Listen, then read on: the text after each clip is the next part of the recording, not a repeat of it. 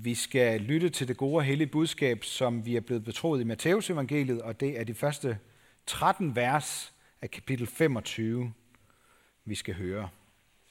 Jesus sagde, der skal himmeriget ligne ti brudepiger, som tog deres lamper og gik ud for at møde brudgommen. Fem af dem var tåbelige, og fem var kloge. De tåbelige tog deres lamper med, men ikke olie. De kloge tog både deres lamper med og olie i deres kander. Da brudgommen lod vente på sig, blev de alle sammen døsige og faldt i søvn. Men ved midnat lød råbet. Brudgommen kommer, gå ud og mød ham. Der vågnede alle pigerne og gjorde deres lamper i stand, og de tåbelige sagde til de kloge, Giv os noget af jeres olie, for vores lamper går ud. Men de kloge svarede, Nej, det, der er ikke nok til både os og jer. Gå hellere hen til købmanden og køb selv. Men da de var gået hen for at købe, kom brudgommen, og de, der var redde, gik med ham ind, til, ind i bryllupssalen, og døren blev lukket. Siden kom også de andre piger og sagde, Herre, Jesus, luk os ind. Men han svarede, Sandelig siger jeg jer, jeg kender jer ikke. Våg derfor, for I kender hverken dagen eller timen.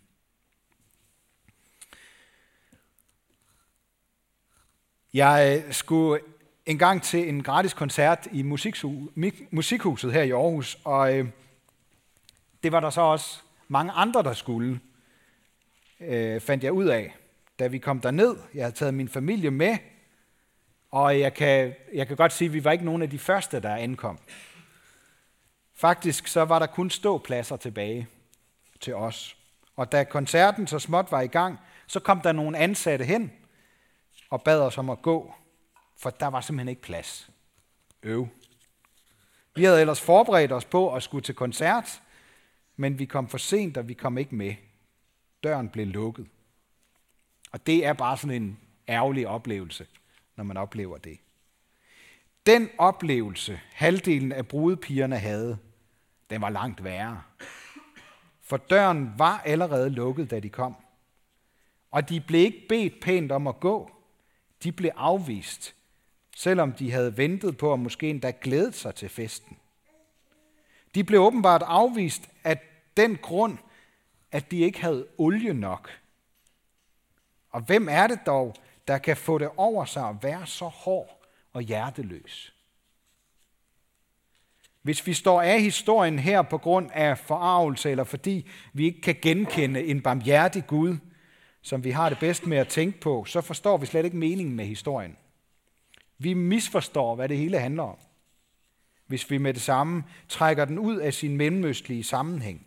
Og derfor så skal vi her i eftermiddag forsøge at komme bag om historien ved hjælp, med hjælp fra øh, teologen Kenneth Bailey, der boede i Mellemøsten i over 60 år. Fordi det er nemlig en helt anden bryllupstradition end vores, fortæller han. I Mellemøsten, der er det almindeligt, at bryllupsfesten bliver holdt i brudgommens hjem, og ikke der, hvor bruden kommer fra, som vi er vant til det. Under forberedelserne så strømmer familie og venner og bekendte til, og på et tidspunkt så tager brudgommen og nogle nære venner hen til brudens forældres hjem for at hente bruden. Og på vej tilbage, så tager den lille lykkelige flok som regel den længste omvej rundt i byens små gader, for at flest muligt kan se dem og hylde dem, når de kommer forbi. Og derfor så kræver det også rigtig stor tålmodighed at være brudepige. I den historie, Jesus fortæller, der bliver det nat, inden brudgommen kommer tilbage. For der har det åbenbart været på en meget lang omvej rundt i byen. Og dengang, der havde man ikke gadelygter over det hele, sådan som, som vi har det i hvert fald her i byen. Men man tog en lampe med sig i stedet for. Ikke så meget for at kunne finde rundt, for månen og stjernerne lyser meget bedre op i Israel, end de gør her i Danmark. Men kvinderne havde deres lampe med, for at man kunne se deres ansigt. For at vise, at de ikke havde noget at skjule, for deres omdømmes skyld og for deres personlige sikkerheds skyld. Og derfor så er det ikke bare sådan et lille, ubetydeligt problem, at de løber tør for olie, da de bliver vækket af råbene. Brudgommen kommer, gå ud og mød ham. For uden lampen, så kunne man ikke genkende dem. Og de ligner den slags kvinder, der kun vil ses af deres kunder, når de går rundt i gaderne. De fem kortsynede kvinder, de går hurtigt ud efter mere øh, olivenolie, da de finder ud af, at de andre fem ikke kan give dem noget af deres. Og da de så kommer tilbage igen, så er bryllupsoptoget allerede kommet forbi, og døren mellem dem og festen er lukket. Det er for sent for dem. For de havde ikke forberedt sig på, at det kunne tage så lang tid. Og af en eller anden grund, så havde de ikke satset alt på at være parat til festen. Måske havde de haft så travlt med andre spændende ting, at de kun lige nåede at flå lampen ned fra hylden, hylden for at være med. Måske var de slet ikke sikre på, om der blev en fest, og derfor ikke, så vil de ikke spilde deres tid på at forberede sig til den. Vi ved det ikke, for historien fortæller os ikke noget om det. Den fortæller, at ti brudepiger ventede på brudgommen. Brudgommen kom, og fem af dem var forberedt. De fem andre kom for sent. Og så er det, at brudgommen siger, jeg kender jer ikke. Og selv for dem, der hørte Jesus fortælle historien første gang, så må det have været hårde ord. Hvordan skal vi forstå dem? Jesus vil fortælle, at det er ham, der er brudgommen. Brudepigerne, det er de mennesker, der følger efter Jesus og venter på, at han skal komme igen. Og huset, hvor festen skal holdes, himmeriget, det er Guds rige. Vores Herre kommer. Det kan vi regne sikkert med. Og det er godt. Også selvom han lader vente på sig. Mens vi venter, så kan vi gøre meget godt for hinanden, og vi kan glæde os sammen over den fest, vi skal med til. Men vi kan ikke forberede os på andres vegne. Vi kan ikke låne tro af hinanden. Vi må selv forberede os til festen i Guds rige. Vi kan være med i gudstjenesten, som er en vigtig del af vores forberedelse til bryllupsfesten. Når vi øh, fejrer gudstjeneste som nu, så er vi så tæt på festen, at vi nogle gange kan høre og se og dufte og smage lidt af den kommende fest, som vi venter på. Det kan også være en tom fromhed, hvor vi snakker om Gud om at tro, uden at det får nogen som helst konsekvenser til hverdag. Vi kan være sammen med de dejligste mennesker, men selv mangle det vigtigste. Det vigtigste, det afgørende, det er at have en levende tro, der handler. Og have en personlig relation til Herren, der kommer, så han kender os. Skal vi først til at handle, når han kommer, er det for sent.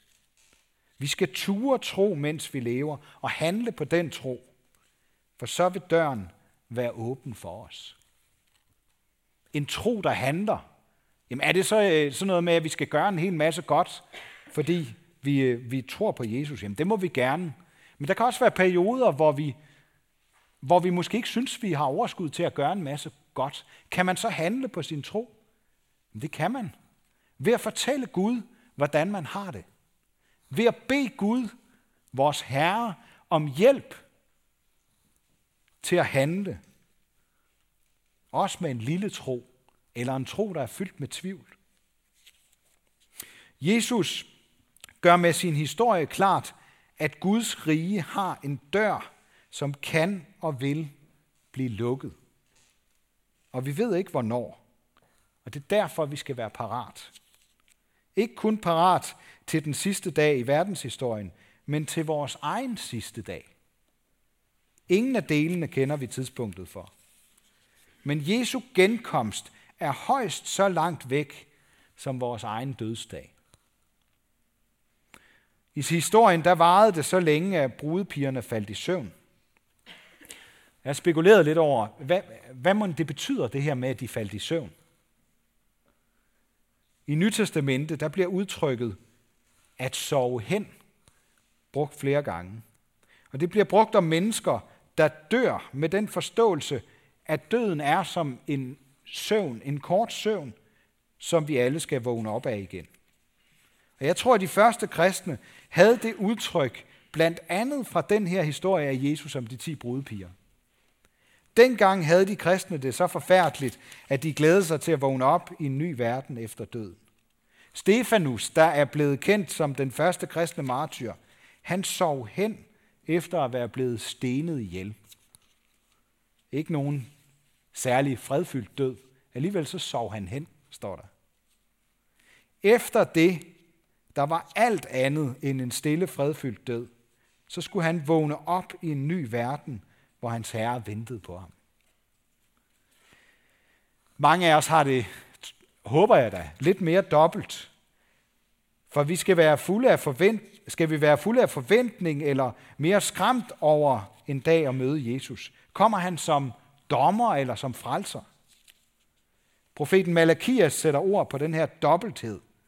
Herren, som I søger og længes efter, kommer. Hvem kan bestå, når han viser sig? For han er som ilden i smelteovnen.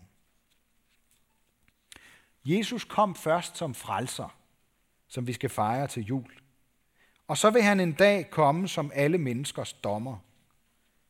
Men vi behøver ikke at være bange for den dag. For hvis, vi, hvis han kender os, og vi kender ham, så skal vi ikke dømme, så er vi allerede frelst i troen på ham. Jesus kommer. Den Jesus, der blev født julenat og blev et lys for verden. Ham skal vi følge gennem kirkeåret og i vores hverdag. Han genkender alle med troens lys, når han kommer. Den levende tro, altså troen på den levende Kristus. Det er den levende tro. Den lyser vores ansigt op, så han kan se, at vi er hans. Så er der ikke noget at skjule, for alt det mislykkede har han allerede taget på sin kappe og frelst os fra. Den, der beder om tilgivelse, er også kendt af Herren Jesus. Dem, han ikke kender, det er dem, der ikke har brug for hans hjælp, og som ikke vil hjælpe andre. Alle mennesker kan blive frelst, hvis vi vil lade os frelse. Okay, her til sidst kommer han overhovedet. Nu har kristne håbet på det her i 2000 år, så måske er det ikke så sandsynligt, at det overhovedet bliver til noget nogensinde. Jeg kan huske, sådan, øh, sådan havde jeg det ofte, når jeg skulle til eksamen, sådan i starten af semesteret, mens jeg, mens jeg læste. Kommer den eksamen overhovedet? Der er så lang tid til. Sådan kan man let have det, selvom man faktisk kender datoen. Så bør det måske ikke undre os så meget, at vi har svært ved at forholde os til den afgørende dag ude i fremtiden, når vi slet ikke kender tidspunktet. Egentlig så tror jeg, at det er os, der er grunden til, at han ikke er kommet endnu. Måske er det, fordi han er i gang med en hel masse omveje rundt i byen med sit bryllupsoptog. Fordi han vil give os og dem, vi kender, en ekstra chance for at blive parate. Og vi får ikke kun tre forsøg, sådan som man ofte gør det til eksamen. Vi har chancen, så længe vi lever. Men vi skal huske, at den sidste dag ikke er længere væk end afslutningen på vores eget liv. Jeg kan huske en gang, at der var en øh, lærer, der sagde, eksamen er den flittige elevs fest. Øh, er det ikke for, øh, for nogle af jer studerende til at få det rigtig dårligt nu? Skulle have lavet noget mere inden. Nå, men øh, jeg kan i hvert fald huske, det provokerede mig at høre det der. Men øh, på en måde, så havde han ret. Det er noget sjovere at være til eksamen, når man er godt forberedt. Og jeg står ikke her og prøver at sige, at vi skal forberede os til en eller anden himmelsk eksamen, sådan som dommedag ofte er blevet præsenteret. For på den dag, hvor Herren kommer, der får vi hverken flidspræmier eller karakterer. Hvordan det går os, det bliver afgjort af, hvordan vi lever vores liv, før vi dør. Altså nu. Vi bliver nødt til at indse, at vi kan ikke selv bestå den eksamen. Vi kan ikke kvalificere os. Vi må tage imod Guds wildcard. En gratis plads til alle, der er døbt og tror på ham, der kommer. Sensoren er sendt hjem, for Jesus har klaret det, der skulle klares. Der bliver slet ikke nogen eksamen for dem, han kender. De skal hverken bedømmes eller dømmes, for han ved, hvem de er. Han er ikke hård, for han giver alle mennesker en chance ved først at komme som menneskers frelser. Og han er ikke hjerteløs, for han er den eneste, der kan bekæmpe det onde og give os et nyt hjerte, en ny vilje og en tillid til Gud. Og han ser os, som vi er. Med eller uden olie på lampen. Og vi skal se ham, som han er. Verdens frelser og dommer. Og det gælder for os om at være de kloge, som de kloge brudepiger, der havde forberedt sig godt på at møde ham. Og så her til allersidst. Ved du, hvem han er? Tør du fortælle ham om dig selv? Vil du tro på, at Herren kommer? Så vil han give dig olie på lampen. Så vil han fylde din længsel og mætte din sjæl. Så vil han give dig den tro, som får dig til at lyse for andre. Den, som ingen andre kan give dig. Kun ham, vi venter på, skal komme. Ære være Gud, vores far, der har skabt os i sit billede. Ære være Guds søn, der tog vores straf, så vi kan leve i frihed.